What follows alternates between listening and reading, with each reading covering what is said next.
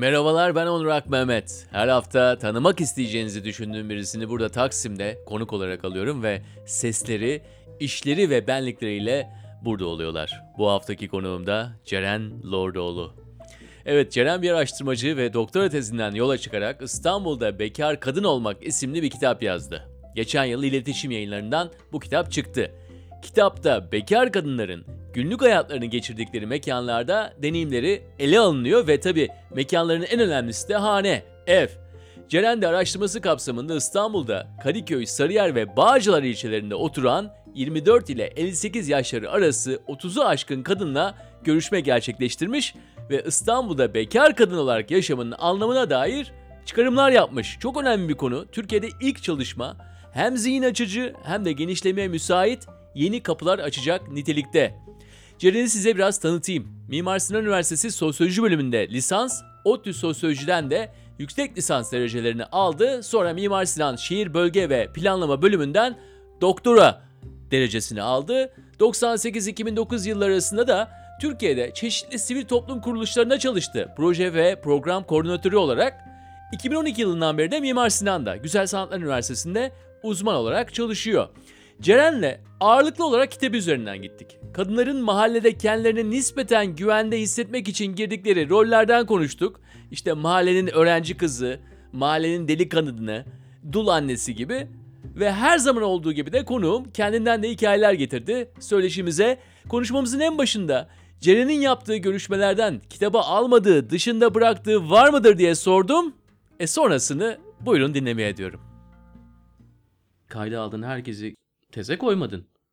Evet. E bir de kitaplaştırırken de orada da bir indirgeme var. O zaman Aslında kitaplaştırırken e, teze koymadığım bazı yani görüşmeleri de koymaya çalıştım. Daha fazla şey katmaya uğraştım. Ama işte e, zaten baştan hani o kuramsal çerçeve işte yapmaya çalıştığınız şey belli bir yöne girmiş oluyor.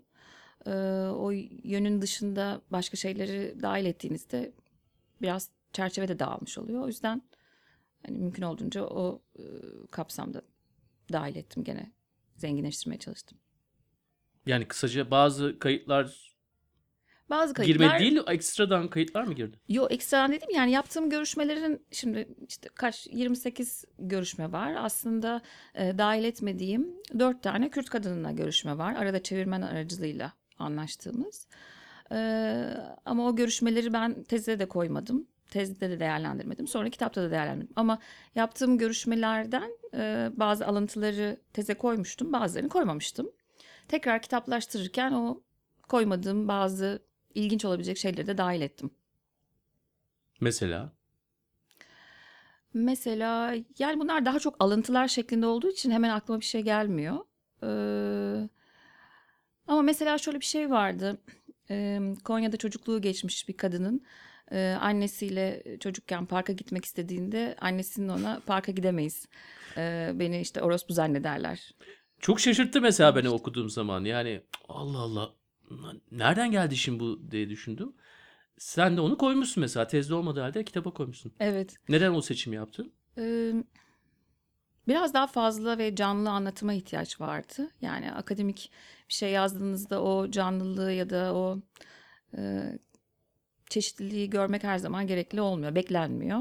Ee, ama kitabın daha rahat okunabilmesi, işte daha zengin belki olabilmesi için onları da koydum. Yani şok edici bir ifadeydi gerçekten. Yani e, Evet, evet, evet. Ama ilginç olan bence yani şöyle düşünüyorum daha doğrusu. Şimdi yaptığım görüşmelerde bazen e, görüşmelerde değil, e, toplantılarda, kitaptan sonra davet edildiğim toplantılarda e, erkek katılımcılar da oluyor bazılarında. Valla birkaç tanesinin videosunu gördüm. Silme kadın dolu. Evet. E, çünkü bazılarına alınmıyordu erkekler. Bir dakika. Öyle tercihler de oluyor. ne tür Toplantı toplantılar erkekler alınmıyor? Mesela Mesela feminist mekan toplantılarında yani feministlerin ağırlıklı olduğu ya da bunu tercih ettikleri ortamlarda erkeklerin bulunması istenmeyebiliyor. mesela konu olarak senin kitabın olsa dahi onun dışında Evet. konu olmasa dahi orada erkeklerin bulunmaması isteniyor. Evet bulunmaması isteniyor. Ee, Çünkü kadınların bir takım paylaşımları olacaksa erkeklerin yanında rahat etmeyebiliyorlar. Ya da bu o organizasyonu e, yürüten e, komitenin ilkesel bir kararı da olabiliyor. Ee, Dolayısıyla e, bazılarında erkekler var. ve erkeklerin verdiği e, reaksiyonlar ilginç olabiliyor. Örneğin mesela gene kitapta olmayabilir bu alıntı. E, bir görüşmeci kadın Acıbadem'de yaşayan bana şeyden bahsetmişti.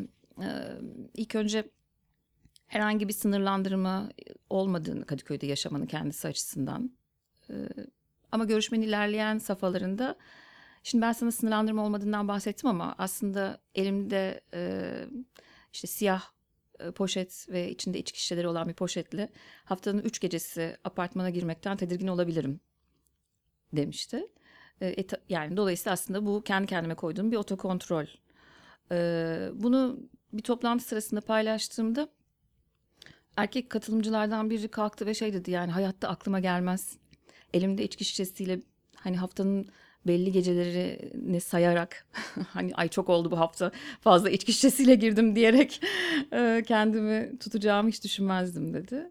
E, böyle buna benzer e, paylaşımlar olabiliyor erkek katılımcıların. O da ilginç oluyor. O aslında bende şey yaratıyor. E, iyi ne güzel yani hani o zaman belki hani bütün bu paylaşımları e, erkeklerin okuması kadınların e, çok da dışsallaştırmadığı ama hepimizin bildiği bazı şeyleri öğrenmelerine de neden oluyor diye düşünüyorum. Onu açıklayabilirsin. Tam olarak anlamadım. Ee, yani bence kadınlar olarak bile zaman zaman e, kentte yaşamanın ya da bekar bir kadın olarak yaşamanın e, bize getirdiği sınırlandırmaların her zaman çok farkında olmuyoruz. Yani bunu çok içselleştirmiş, sanki çok doğal bir şeymiş gibi yaşamaya başlıyoruz bir noktadan sonra. O nedenle de bu tür paylaşım ortamlarında mesela kitapla ilgili toplantılar bir yandan da bir tür paylaşım, deneyim aktarımına da dönebiliyor. Ee, buralarda duyduğum ve okurlardan gelen e, tepkilerden anladığım ya bunlar çok bildiğimiz şeyler ama gerçekten de hani ya bu kadar benim hayatımda belirleyici olduğunu farkında değildim diyen çok kişi duydum. Ee, dolayısıyla hani kadınların da içselleştirdiği bir şeyken hani bunu fark edip e, bunu dillendirmeleri aslında dışsallaştırmaları bir yandan. Ee, hani o, o nedenle öyle söyledim. Yani kadınların bile bu denli hani dışsallaştırmadığı bir durumu erkeklerin e, kendiliğinden anlaması çok mümkün değil tabii. Kitapta şöyle bir şey vardı. Strateji tarafını çok düşündüm ben. Yani taktikleri anlıyorum. Hı hı. Şimdi telefonda konuşur gibi yapmak. Ee, yani o manevraları anlıyorum mesela. Aileyi nasıl kullanacağın, ailenin belli aralıklarla gelip gelmesi mesela. Ee, işte aile kızı imajını devam ettirmek için kullanılabiliyor. Ee, Muharebe öncesi neler yapılıyor şimdi? iki tane kelime, iki tanesi de Yunanca ve tamamen ordu deyimleri. Ee, olayın taktik tarafı tamam. Ama genelde ne dersin bu toplama olarak İstanbul'da bekar yaşayan bir kadın bu tür istemi dışında gerçekleşecek herhangi olaya olaya karşı ne tür bir strateji geliştiriyor? Şimdi taktik ve strateji kavramlarını aslında e, bir Fransız yazardan ödünç aldığım için Desarto. e, şimdi burada hani o akademik kavramsal boyutuyla tartışmayayım. E, ama eğer bahsetmek istediğin daha şeyse e, daha böyle uzun erimli e, olarak nasıl kendini konumlandırdıysa bence en önemli mesele kentin neresinde eğer seçme şansı varsa kentin neresinde yaşamanın kendisi için daha güvenli olduğunu öncelikle belirliyor. Ee, ben strateji olarak şunu sormaya çalıştım. Hı. Yani yani kendini nasıl konumlandırıyor? Mesela daha böyle erkeksi özellikleri mi daha bütünleştirmeye çalışıyor? Daha e, sana lan diyecek kadın mı oluyor mesela? Erkek böyle tırsıyor gidiyor falan böyle. Veya ne bileyim işte e, bacı kategorisine mi sokuyor kendini? Biraz daha o roller anlamında ne tür bir strateji var? O çok kişiden kişiye değişiyor sanırım. Yani benim görüştüğüm e, kişiler çerçevesinde bir şey söyleyebilirim. Her yerde farklı şeylerden bahsettiler. Yani öğrenci olarak e, yaşamaya başladığı bir yerde o öğrencilik halini devam ettirmekten memnun ve öğrencilik rolüyle böyle barışık, mahallenin de bununla barışık olduğunu fark etmiş bir kadın. Öğrenci, mahallemizin öğrenci kızı gibi hayatını sürdürmeye devam ediyor. Ama mesela gerçekten de bahsettiğin gibi işte mahallenin bir de deli kadını var. Yani o deli kadın olma işte sokakta e, bir şekilde çatışmaya girdiği bir adamla karakolluk olmaya kadar işi götüren ya da bakıldığını kendisinin bir şekilde ne kadar namuslu olduğunun test edildiğini, düşünüldüğünü fark edip her akşam balkonunda rakı sofrası kuran bir kadın da bununla başka türlü baş ediyor. Ama şunun bence herkes farkında. Bir role girmek gerektiğini düşünüyoruz. Yani bunu hepimiz düşünüyoruz sanırım. Çünkü muğlaklık yani sizin neyi duyu belirsiz haliniz, bir kategoriye girememeniz en rahatsız edici şey çevreniz tarafından. Dolayısıyla bir şeyi e, performe etmeniz bekleniyor. O bir şeyi performe ettiğinizde o performe ettiğiniz şeyin sınırları, mesafeleri, esneklikleri kadar hayatınızı sürdürüyorsunuz. Ama ne olduğunuz belli değilse en tehlikeli, en rahatsız edici, en belki dışta tutulması gereken kişi olabiliyorsunuz. Ne kadar ilginç değil mi? Yani e, o sınırın mekanla e, gelen sınırın senin çerçeveni ne kadar çizmesi. E, bu e, bu bayağı bir tiyatro ya. Yani Çok. bayağı 15 milyonluk şehirde bayağı bir tiyatro oynanıyor. Evet. Kadınlar açısından sanırım bu yani erkeklerden çok daha belirgin bir şekilde e, daha fazla e, performans gerektiriyor. Daha, daha güçlü bir e, performans gerektiriyor ve sürekli ve değişen. E, çünkü kadın bakışın nesnesi her zaman. Yani şehirde kadın bakılan bir şey. E, dolayısıyla mesela görüşmecilerin anlatımında şey çok fazlaydı. Yani kıyafet meselesi. Yani nereye gideceği, akşam saat kaçta dönerken e, ne giymesinin kendisini daha rahat ettireceği, işte e, apartmanının bulunduğu yerde e, sokaktan geçerken bir tarafta park var, bir tarafta kahvehane var. Onların arasından geçecek. Akşam dönerken adamlar orada oturuyor olacak. Dönerken lanet olsun etek giymeyeyim. Şimdi bakacaklar ve rahatsız olacağım. Bu bunlar çok tekrar eden, birbirine benzer aslında ifadelerdi. Ya da şehrin e, belli rotalarını kullanmak.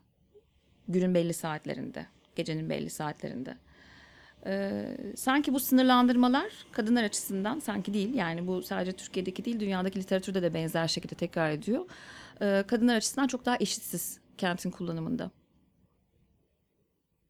Evet, çok daha fazla zihinsel faaliyetinde çalıştırmak zorunda kalıyorsun.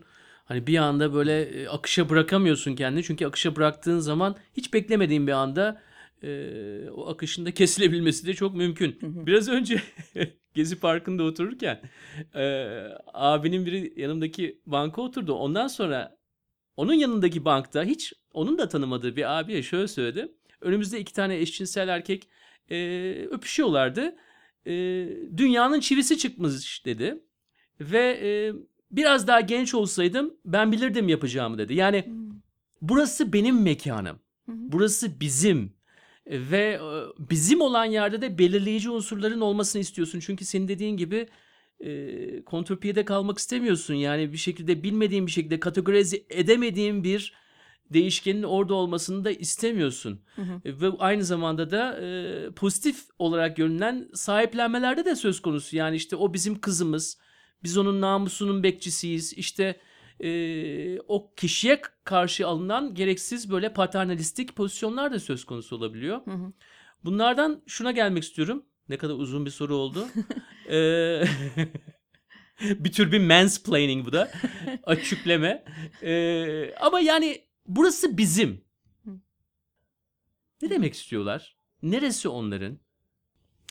Şimdi e, görüşmecilerin hepsi kadın olduğu için e, hani burası bizim sahiplenmesini yaşamaktan çok e, oraya ait olma arzusu duyan kişilerdi görüştüğüm insanlar. E, aslında ailesiyle yaşayan bekar kadınlar için de ki bunların önemli bir kısmı e, çalışmak için İstanbul'a gelmiş e, işçi ailelerin e, kızları E, ya da gene çalışmak için kariyerli bir şekilde İstanbul'a gelmiş ama şehrin neresinde oturacağını tam bilemeden arkadaşlarına yakın bir yerde oturmayı tercih eden güvenlik açısından ya da şehri bilememe açısından kadınlar. Yani aslında burası bizimden çok e, orayla bir ait olma ilişkisi geliştirmek isteyen kadınlar. E, fakat yani şimdi mesela e, sizin de gene podcastlerinizden e, dinlediğim konuklarınızdan birinin sabahleyin bir röportajını okudum. e, Onur Gökhan e, Gökçe'nin. E, yani eski bir röportaj. E, mesela bu sadece kadınlara özel bir durum da değil. Bu sınırlandırmalar ya da kendine ait hissetmeme, hissedememe ya da fazla sınır erkeklere göre daha sınırlandırıldığını hissetme kentte. LGBTİ bireyler için de çok benzer söz konusu. Şimdi mesela sizin verdiğiniz örnektekine hani paralel olarak. Ee, mesela Onur'un da röportajda şöyle bir ifadesi var. Bana çok anlamlı geldi. Ee, gazeteci şey soruyor. Başına herhangi bir şey geldi mi güvenlikle ilgili diyor. Hayır yaşamadım gelmedi diyor. Peki bunun için dikkat ettin mi? Tabii ediyorum diyor. Çünkü gecenin yani sabahın bir saatinde ya da neyse işte kulüpten çıkıp bir başka yere giderken "Ee," diye gitmiyorum. Düzgün yürüyorum diyor. Şimdi orada ifade etmeye çalıştığı düzgün yürümek aslında e, kadınsı olmadan yürümek. Yani benim anladığım.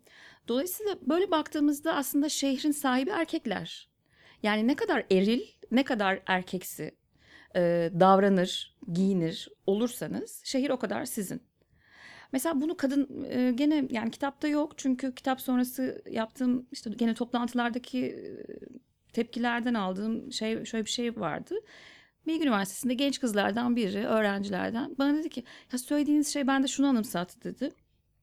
Ben metroya bindiğimde eğer metroda böyle omuzlarım düşmüş, yorgun, kendimi bırakmış bir şekilde oturursam kesinlikle tacize uğruyorum.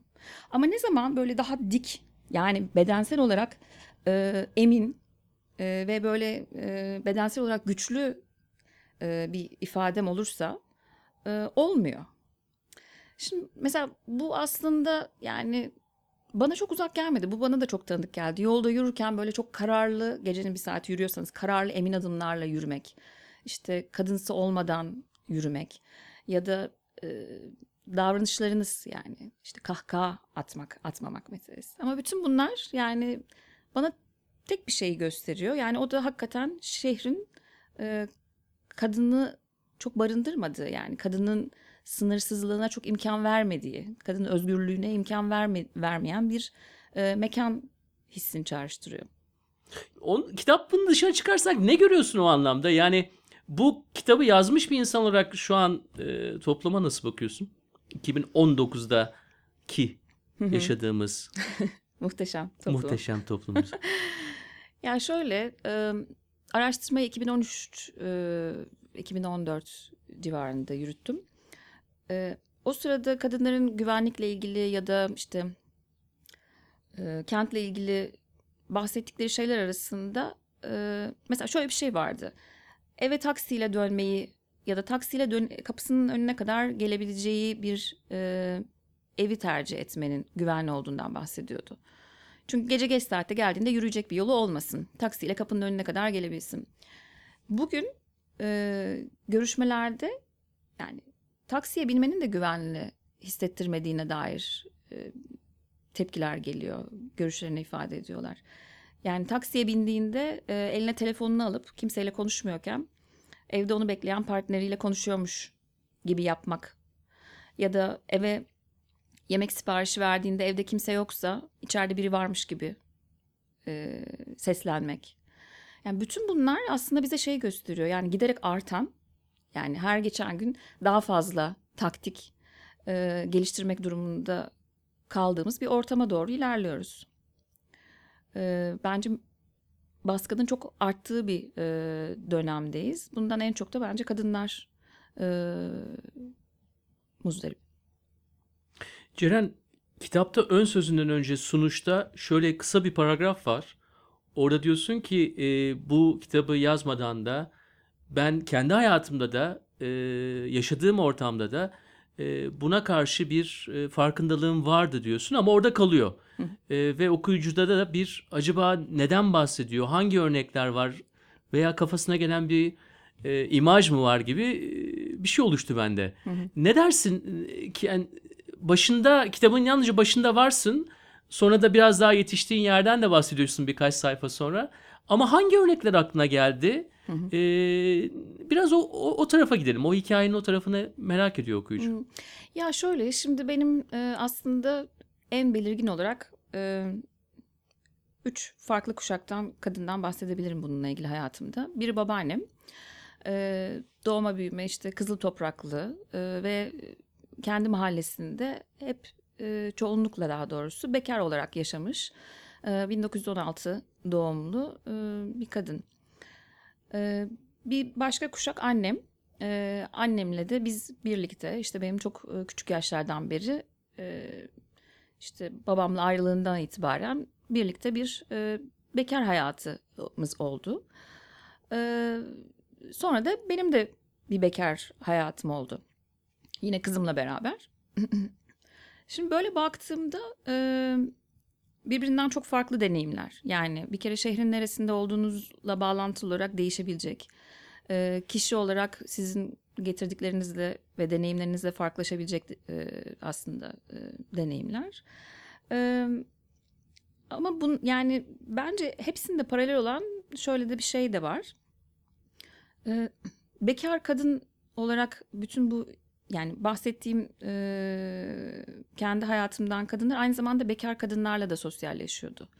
Yani bekar kadınların aslında beraber vakit geçirdiği diğer bekar kadınları da dolayısıyla babaannemin arkadaşları, annemin arkadaşları bütün onları da gözlemleme imkanım oldu. Ama tabii gözlemlerken bir çocuk olarak ya da biraz daha ileri bir dönemde hani bir e, sosyal araştırmacı gibi aa bekar kadınlar diye değil. Yani bu bu araştırmaya başladıktan sonra dönüp baktığımda hatırladığım bir sürü şey e, ortaya çıktı. Bir sürü anı, e, bazıları rahatsız edici, e, çoğunluğu rahatsız edici. E, aslında Çoğunluğu rahatsız edici. çoğunluğu rahatsız edici. Yani Ama yaşanan anda da mı rahatsız edici? yaşanan anda da rahatsız edici olanlar var, doğru.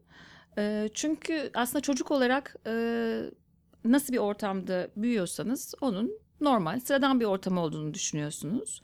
Ama e, yaşadığınız şeyler zaman içinde size aslında farklı, yani çekirdek aile olmayan annenizle birlikte yaşadığınızda, bekar bir kadın olan annenizle beraber yaşadığınızda, boşanmış bir kadın, e, aslında aile olarak kabul edilmediğiniz e, uyarısını veriyor.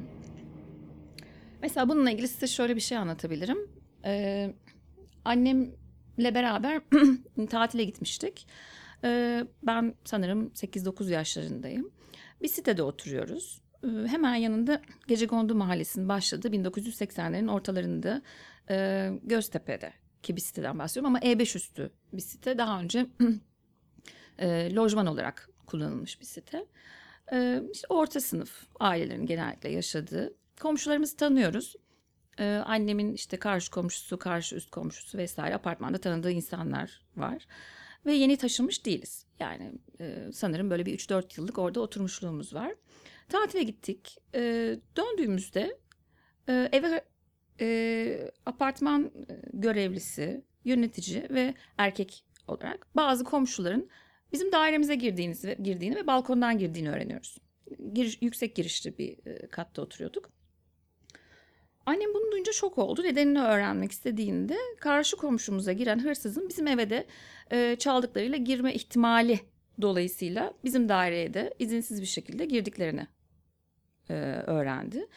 Hırsızın bizim dairemize girdiğine ilişkin bir bulgu yok. Yani hani balkon kapısı açılmış değil, ana kapı açılmış değil ama bunu yapmışlar. Şimdi ben yani o zaman annemin yaşadığı tedirginliği bu çalışma yaparken dönüp baktığımda, annemle de konuştuğumda e, anımsadım. E, ve aslında bir anne kızın yaşadığı dairede yani kurdukları bir mahremiyetin e, nasıl e, rahatlıkla girilebilir e, bir kırılgan bir pozisyon olduğunu e, tekrar düşünmeme neden oldu. E, acaba biz bir aile yani bir de aileyiz zaten de hani bir de evde bir baba, bir erkek olsaydı aynı rahatlıkla apartmandaki kişiler e, böyle paldır küldür e, anlamlı bir gerekçe olmadan daireye girebilirler miydi? Dolayısıyla hani bu ve buna benzer pek çok örnek e, bana sonradan yaptığım araştırma sırasında bekar olmanın e, farklı hissettirilen bir konum olduğunu e, hatırlatan kendi hayatımdan örnekler oldu. Böyle söyleyebilirim. Ya bu tür bir bu bir tür bir saplantılı iyi niyet göstergesi mi? Yani orada erkek yok o evde. Onun için ilk orayı korumamız gerekiyor mu? Yo hırsız oraya girmiş olabilir mi? Hırsızı bu dairede yakalayabilir miyiz? Fakat yani dairenin daireye hırsızın girdiğine dair bir işaret yok. Yani böyle bir depoya bakar gibi orada biri yaşıyormuş yaşamıyormuş önemsemeden hani girmek. Yani bir e, mahremiyet gözetmemek. Kamusal alan gibi yani orası girilen bir yer gibi. Dolayısıyla bu e, ve buna benzer kendi hayatımda örnekleri de daha sonra hatırlıyor oldum. Yani yaptığın çalışma bu örnekleri biraz daha senin hatırlamana da sebep oldu. Evet, evet, evet. Ee, şimdi bir yanıyla böyle bir şey. Ee, araştırmacı olarak yani benim e, kendi yaşantımdan hatırladıklarım. Ama bir yandan da tabii bunlar biraz böyle daha bana kalırsa e, travmatik etkileri olan. Hani dönüp baktığımda annemi e, ve kendimi ne kadar e, güvenliksiz hissedebilmeme imkan tanıyan örnekler. Ee, ama öte taraftan şöyle bir şey de araştırma sırasında beni e, çok etkiledi. Görüştüğüm kadınların ayrı eve çıktıktan sonra kendilerine yeni evler kurduktan sonra e, kendi ifadeleriyle kendilerine ne kadar güçlendiklerini hissettiklerini e, de duydum onların ifadelerinden. Yani şiddet gördükleri eşlerinden, aldatıldıkları eşlerinden ya da işte tahammül edilemez kötü muamelelerden kaçıp tek başına ev kuran kadınların da e, kendilerine ait bir güçlenme hikayeleri vardı. Ya bu, bu çok normal bir şey değil mi? Yani dayak yiyorsun bir tanesine, yüzün gözün kan içerisinde. Ondan sonra en azından kendine kale diyebileceğin bir yer. Çünkü kale tabiri de kullanılıyor. Evet. Bir, bir yer bir yerde oturmaya başlıyorsun. Tabii onun acayip zorlukları var ama e, hani Ama her bu- gece olan fiziksel şiddetle karşılaştığı zaman bir şekilde bir güven sahibi olmana da neden oluyor. İşte bu o kadar zor ki kadınlar açısından. Yani bu e, kadınlar açısından ayrı bir eve çıkmak. Özellikle de geleneksel böyle atarkil yapı içinde yaşayan kadınlar açısından e, o evi bırakmak, o evi herhangi bir ekonomik güvence olmadan, daha önce çalışmadan, eğitimi olmadan yani bırakıp başka bir yere gitmek. Yani mesela bana şunu söylediklerinde ben gerçekten tüylerim diken diken oldu. E, ben evden ayrılırsam sokağa düşeceğimi düşünüyordum diyen kadınlar oldu. Yani olmuyormuş, sokağa düşürmüyormuş, hani yapılabiliyormuş. Ee, hiç o kadar da o kadar ağır şiddet, o kadar uzun süre sürdürmemin aslında gereği yokmuş diyen e, kadınlar oldu. O anlamda ben bunu çok e, bana da ilham veren, beni de güçlendiren çok önemli hikayeler olduğunu düşünüyorum. Ayrı bir ev kurmanın kadınlar açısından önemini e, hissettiren. Sana ilham vermesinin nedeni yani bir araştırmacı olduğun halde ve onlar denekler olduğu halde senin de oradan feyz alabileceğin bir şey mi vardı? Benim oradan feyz alacağım şey şu. e, Ben eğitimli, işte orta sınıf bir aileden gelen e, ve iş sahibi, çalışıp kendi hayatımı kazanabilen bir kadınım. E, Bahsettiğim kadınlar eğitimli olmayan, hayatlarında hiç çalışmamış ve çok çocuklu kimisi. Yani kadınlar. Bütün yani bu imkansızlıklarla e, bir şeyleri göze alabilmek bence yani hepimizi çok yani he- hepimize ilham veren, hepimizi çok güçlendiren bir şey. Yani o anlamda e, çok kötü hikayeler dinliyorsunuz ama hani bunun yanı sıra e, bunu birkaç yerde daha söyledim ama hakikaten bunu herhalde milyon kere söyleyebilirim. E, Gaziantep'ten beş çocuğuyla beraber İstanbul'a gelen bir görüşmecim vardı ve e, bana şunu söyledi. Yani beş çocuğuyla beraber İstanbul'a geliyor, hiç çalışmamış e, ve kocası düzenli olarak aldatıyor ve ağır şiddet uyguluyor. Çocuklarının en sonunda baskısıyla e, ayrıl yani ayrılmaya karar veriyor. E, ve geceleri vardiyalı çalışıp gündüzleri apartman silmeye çocuğuyla beraber giderek bir hayat kuruyor. Bana şunu söyledi ki bunu hiçbir zaman unutmayacağım. Yani kitabına şunu yaz. Kadınlar korkmasınlar. Biz yapabiliriz. Yani mesela yani o imkansızlıklarda bir kadının bana bunu söylemesi yani hepimiz her şeyi yapabiliriz gücünü sağlayan bir şeydi. O yüzden e, yani benim eğitimli olmam olmamam meselesi değil yani. O hepimize ilham verebilecek bir şey. Genelde tabii bunu e, böyle bir araştırma kitabında görebilmek çok güzel. Çünkü insanlar onun için filmlere gidiyorlar zaten. Yani neden sen bunu kitabına koydun ve defalarca söylemeye ihtiyaç duyuyorsun? Şimdi anlayabiliyorum neden sana bunun feyz verdiğini. Evet. Yalnızca olayla alakası yok diyorsun ya. İstanbul'da kadın olmak, bekar olmak değil kardeşim diyorsun. Her türlü durumda bundan bir şekilde feyz alınabilir. Evet. Ön yargılarımız çok önemli. Sen bazı ön yargıların mesela olduğunu gördün mü kitabı hazırlarken? Bazıları dağıldı mı? Yani şöyle gözlemlerim oldu. Ee, Birincisi aile diye tarif edilen şey yani işte bu e, her anlamda kucaklayıp sarmalayan işte sizin e, bütün iyi ve kötü koşullarınızda size sahip çıkan işte bu ideal aile durumu e, o kadar da ideal bir durumda değil. Yani belki de hiç olmadı. E, Çünkü mesela görüşmelerde e, özellikle belediyeden e, sosyal destek almak için başvuran kadınlarla yaptığım görüşmelerde bu kadınlar ne ailelerinden herhangi bir maddi hem de- ne de manevi herhangi bir destek kaps şey e, alamıyorlardı. Şimdi böyle baktığımda bu ailelerin yani eğer kadınlar boşandıktan sonra ailelerine gitmeye çeşitli nedenlerle bir ailelerinin ekonomik imkansızlıkları iki bir takım ataerkil değerler yani bir de mesela şöyle şeylerimiz var değil mi bizim gelinin gelinliğinle çıkarsın kefenine dönersin. Yani buraya anca ölür, ölürsen dönebilirsin gibi mesela de, şeylerimiz de var. Ee, bir takım e, değerlerimiz de var. Dolayısıyla yani ailenin o denli hani e, sarıp sarmalayıcı e, ya da ekonomik anlamda o denli destek olucu bir e, tarafının pek kalmadığını da düşünüyorum. Yani daha geniş kitleler için söylüyorum. Kavramlar kalmış ama Hı hı. şeyi yok. Gerçeklikte Altı nasıl? boş. Evet Yani evet. Mesela ben feministim diyor musun? diyorum. İlk bu deyimi kullandığın zamanı hatırlıyor musun? Sanırım üniversite yaşlarındaydım, üniversite dönemindeydim.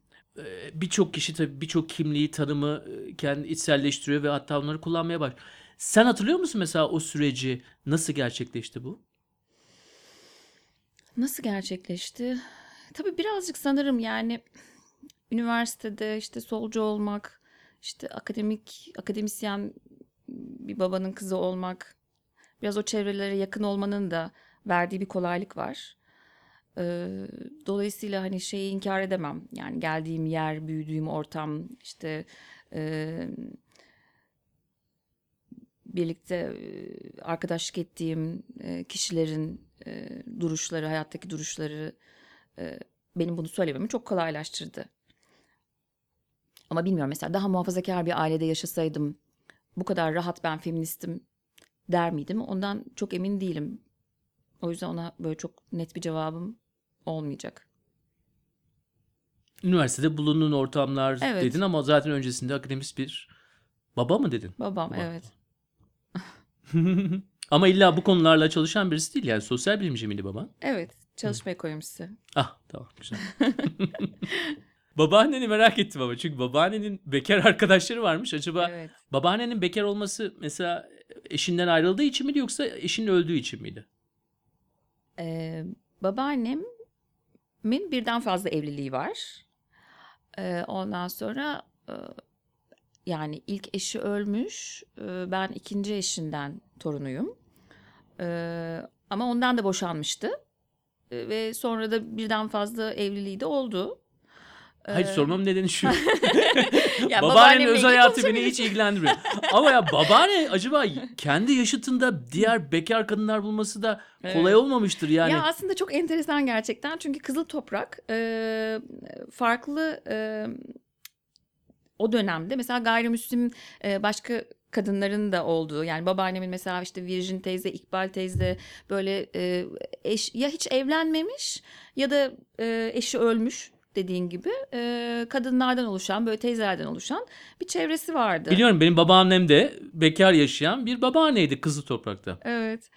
E, şimdi benim çocukluğum... Çıkmaz sokakları da boldu o zaman çok, Çok. iyiydi. Evet, babaannem de çıkmaz sokakta oturuyordu. Ee, dolayısıyla hani baktığım zaman e, çok da neşeli aslında, eğlenen, işte kendi aralarında bir araya geldiklerinde e, bir dedikodu da yapan, işte e, e, keyifli bir yani aslında e, sosyalleşme görüyordum ben. E, ama e, hani eğer hani e, aralarında şey var mıydı inanın hatırlamıyorum. Yani işte böyle e, ay saat bilmem kaç oldu. Zafer benim kalkıp gitmem lazım. Şimdi yemek bekler evde işte Mehmet falan. Hiç böyle diyen biri yoktu. E, Varsa da çok popüler değildir ya. Değildi belki evet aynen öyle. Ee, ama babaannemin evet benim hayatımda e, önemli bir şeyi var, izi var, yeri var. Genelde bu işi neden yapıyorsun? Sana bu soruyu sorsam ya. Yani kayıt öncesi bana sordun biraz niçin bunu yapıyorsun diye. Sana sorsam Araştırmayı mı? araştırmayı. Hmm. Ya bence araştırma yapmak e, ya benim en sevdiğim şeylerden bir tanesi. Gerçekten böyle yani e, aslında düşünüyorum. Mesela lisans dönemimden beri aldığımız eğitimde bizim e, araştırma yapmak en böyle daraltılmış en küçük alandı yani. Şey yapamazdık yani. Böyle bir e, hep birlikte sahaya çıkmak işte oradan sonuçlar elde edelim bunları analiz edelim bunları işte kavramlarla yoğuralım falan. Hiç yani böyle şeyler yapamadık. E, hala yani bu devam ediyor mu? Sosyoloji eğitiminin ne oranda parçası araştırma? Çok emin değilim. Araştırma yöntemleri anlatılıyor tabii de uygulama anlamında ne kadar araştırma yapılıyor çok emin değilim. Üçüncü sınıftayken sivil toplum kuruluşlarında çalışmaya başladım. Ee, ve şanslıydım çünkü e, çalışmayı tercih ettiğim sivil toplum kuruluşunun e, Türkiye'nin işte 12 tane ilinde pilot uygulamaları vardı. Ve ben böyle bu sayede bütün Türkiye yani Türkiye genelinde farklı farklı illerde bulunabilme, buralarda yapılan çalışmaları takip edebilme, burada ne kadar bir sivil toplum e, oluşumu varsa bu bahsettiğim e, Habitat sonrası 90'ların ortalarından bahsediyorum. E, onlarla karşılaşabilme imkanına sahip oldum ve böyle bence şey yani e, çok heyecan vericiydi. Sadece İstanbul'da değil yani Türkiye'nin pek çok ilinde e, yapılanları görmek, sivil toplumda ne- nelerin e, olduğunu, olmadığını keşfetmek. Ve yani sonradan 7-8 sene kadar sivil toplum kuruluşunda çalıştım. E, farklı e, sivil toplum kuruluşlarında. E, ama sonra sivil toplum kuruluşlarında tabii yani çok ağır aslında bir çalışma yürütülüyor. Yani çok e, emek yoğun çalışmalar var. E, ama her zaman aynı oranda akademik beslenmeyi, bilgiyle olan ilişkinizi aynı seviyede tutamıyorsunuz. Yani üniversitede e, okuduğunuz kadar yoğun okuma imkanınız olmuyor, beslenme imkanınız olmuyor. Dolayısıyla yani o, bu sefer tekrar üniversiteye döndüm. Doktora yapmaya başladım. Ee, sanırım e, yani şeyi çok sevdiğim için yani bu işte e, saha, araştırma, insanları dinleme. Açıklıkla bir araştırmacı olarak araştırmanın hakkında konuştuk. Aynı zamanda kendin de buradaydın. Ee, ve bilmiyorum benim için kitabın aydınlatıcı oldu. Çok teşekkür ederim. Rica ederim. Ben teşekkür ederim davetiniz için. Benim için de yani böyle bir formatta seninle söyleşmek gayet keyifli oldu. Yaşadığımız şehirler hızla değişirken mekanla kurduğumuz ilişkilerde nasıl bir hal alıyor, diğer insanlarla da kurduğumuz bağlar bu hale göre nasıl şekilleniyor? İşte hem kitabı okumak hem de Ceren'le söyleşmek bu konular hakkında beni düşündürdü ve çok keyifliydi. Ceren'in araştırmasının arka planını da benimle paylaştığı için çok teşekkür ediyorum tekrar. Dün gece Anlat Hikayeni Hikaye Maratonu'nun 6.sını gerçekleştirdik. Gerçekten de yine ilginç hikayeler vardı. 23 gün boyunca bir gemide çalıştıktan sonra inebileceğiniz ilk kara parçası olan Kongo'da 50 derece sıcaklık altında bir bar ararken devlet töreniyle karşılanıp ağırlanmak. Victoria's Secret'ın sırrına erip bir gece içerisinde ülke çapında meşhur bir prens olmak veya çıktığı bütün kızların onu bıraktıktan sonra ortalama 6 ay sonra evlendiğine şahit olmak desem. İşte anahtar kelimemiz kısmet olunca hikaye zenginliği bakımından da çok kısmetli bir gece oldu. Sezon finaline hızla yaklaşmaktayız. Son anlat hikayeni gecesi 17 Nisan çarşamba akşamı şimdiden yerinizi ayırtın. Bu podcast'ı hazırlayanlar ben Onur Akmehmet, Berna Karhaman ve Onur Koçatürk. Hepinize gelecek hafta yeni bir podcast ile buluşmak üzere diyoruz.